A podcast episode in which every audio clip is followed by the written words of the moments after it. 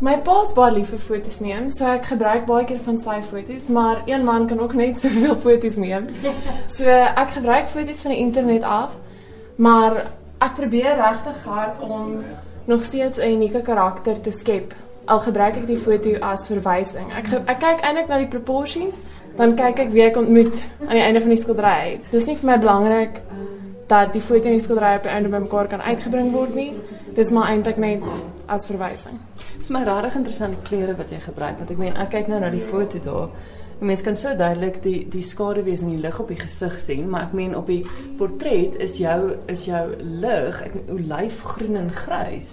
Ja, ek ek verkies eintlik as ek 'n foto iewers kry of my pa neem een, maak ek dit altyd swart en wit voor ek begin verf, want ek hou nie daarvan om beïnvloed te wees deur die kleure op die foto hmm. self nie. Dit is seker maar iets wat wat mense moet moet afleer om te te strafsvol bly by die kleure op 'n foto, maar ek voel as ek van swart en wit af werk en ek begin skilder, dan kan ek op die palet die kleure meng en ehm um, regtig weer net een weer eens net ontdek wat ek voel pas by die skildery en hierdie persoon en by mekaar. Ehm um, so ja, vir die tyd weet ek self nie eers eintlik altyd wat se kleure ek gaan gebruik nie. Dis maar iets wat ontwikkel soos vir die skildery ontwikkel. Ek weet ons het die eerste keer toe ek en jy gesels het, het ons gepraat oor die feit dat jy met 'n kredietkaart verf.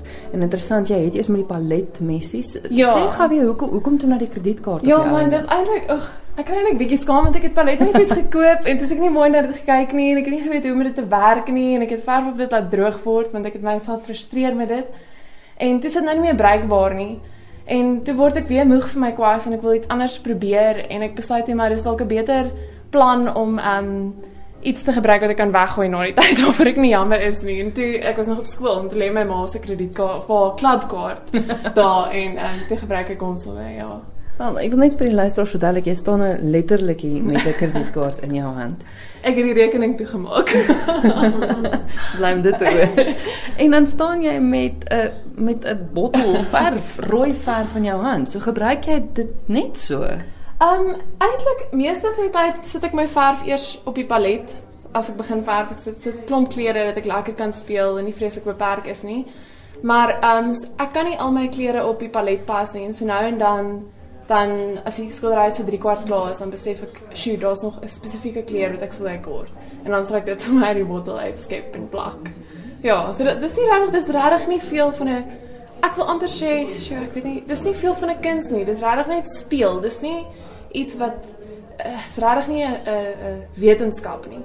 Ehm um, dis soos ek verf is dit 'n spontane proses. Ja, ja, maar tog mens moet weet waar die regte skaduweekolle en ligkolle en dit. Ek maak foute en dan verf ek dit toe. Dit dis maar jy mens moet toelaat om um om te kan foute maak. En as dit gebeur dan weet jy volgende keer gaan ek nie dit doen nie en dan het, dan leer jy. So dis regtig ja, ek hoor jou. Dit mense lief word definitief beter en jy leer dinge aan, maar dit is net lekker.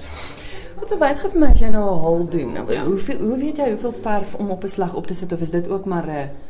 Dit hang af wat se deel van die skildery ek mee besig is en of ek wil hê dit moet 'n area wees wat wat 'n groot impak maak. Soos hierdie hierdie ek weet nie of ek dit vir jou kan help nie, maar as ek die highlights doen op, op die ligte dele op die skildery, ja. sal ek baie keer ek sal ja, ek sal baie verf opsit en hom saggies oor die canvas sleep. Dan kry jy sulke kolle merke. Ek verstaan. Um ander kere, veral soos met die meer subtiele dele van die skildery wat ek nie wil hê moet te veel aandag trek nie, sal ek um min of meer dieselfde verf, maar ek sal harder druk. So dan kry jy daai soliede um streep in plaas van die tekstuur. Jy ek sien jy jy draai hom ook soos 'n partytjie gebruik jy die punt van die ja, van die die die rand van die kaart ja. um as ek 'n dun of fyn streepie wil hê en dan as jy nou 'n vlak wil hê dan kan jy hom maar lekker plat hou. Verkoop jy die kredietkaart saam met die werk? ek ek het eintlik al dit oorweeg om dit te doen want ek sal daarvan hou. Maar ek ek my my soundboard, die mense met wie ek nou sulke idees by wie ek sulke idees um run het vir my gesê nee, hulle dink dit is bietjie snaaks. Mense gaan nie daarvan hou nie, maar ek ek sou daarvan gehou het. Ek sou daarvan ja. gehou het. Ja, want dit, ek meen dit is tog waarmee jy die werk geskep ja, het. Absoluut. Ja. Maar jy sal seker uit kaarte uithardloop.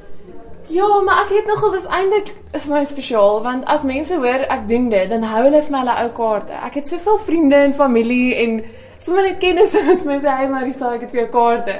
En dis eintlik vir my spesiaal. So ja, dis dalk maar iets om te oorweeg.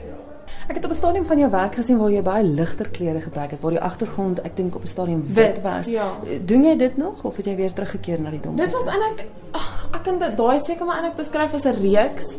Dit was maar weer eens ek het um iets gesien wat my geïnspireer het en ek het bietjie geëksperimenteer en en ek het redelik ek dink ek het nogal geleer uit dit uit want met dit het ek ek het my verf verdun en met sponse ook gewerk. So Man, ek dink elke bietjie wat mense eksperimenteer, kan jy iets uit leer, maar ek sal ek sal daai eerder beskryf as 'n reeks wat ek mee geëksperimenteer het as 'n trant wat my kinders nou ingaan.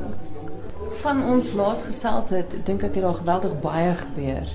Ek weet dit was 'n hele paar, dit was regtig aan die begin eintlik van jou ja. gewees ons gesels het. Wat is van die hoogtepunte en dinge wat wat het jou verstom gelaat? Ek het um Ek het onlangs het ek my eerste solo uitstalling gehad vir 2016. Met die dag van die launch het daar omtrent 20 skilderye verkoop.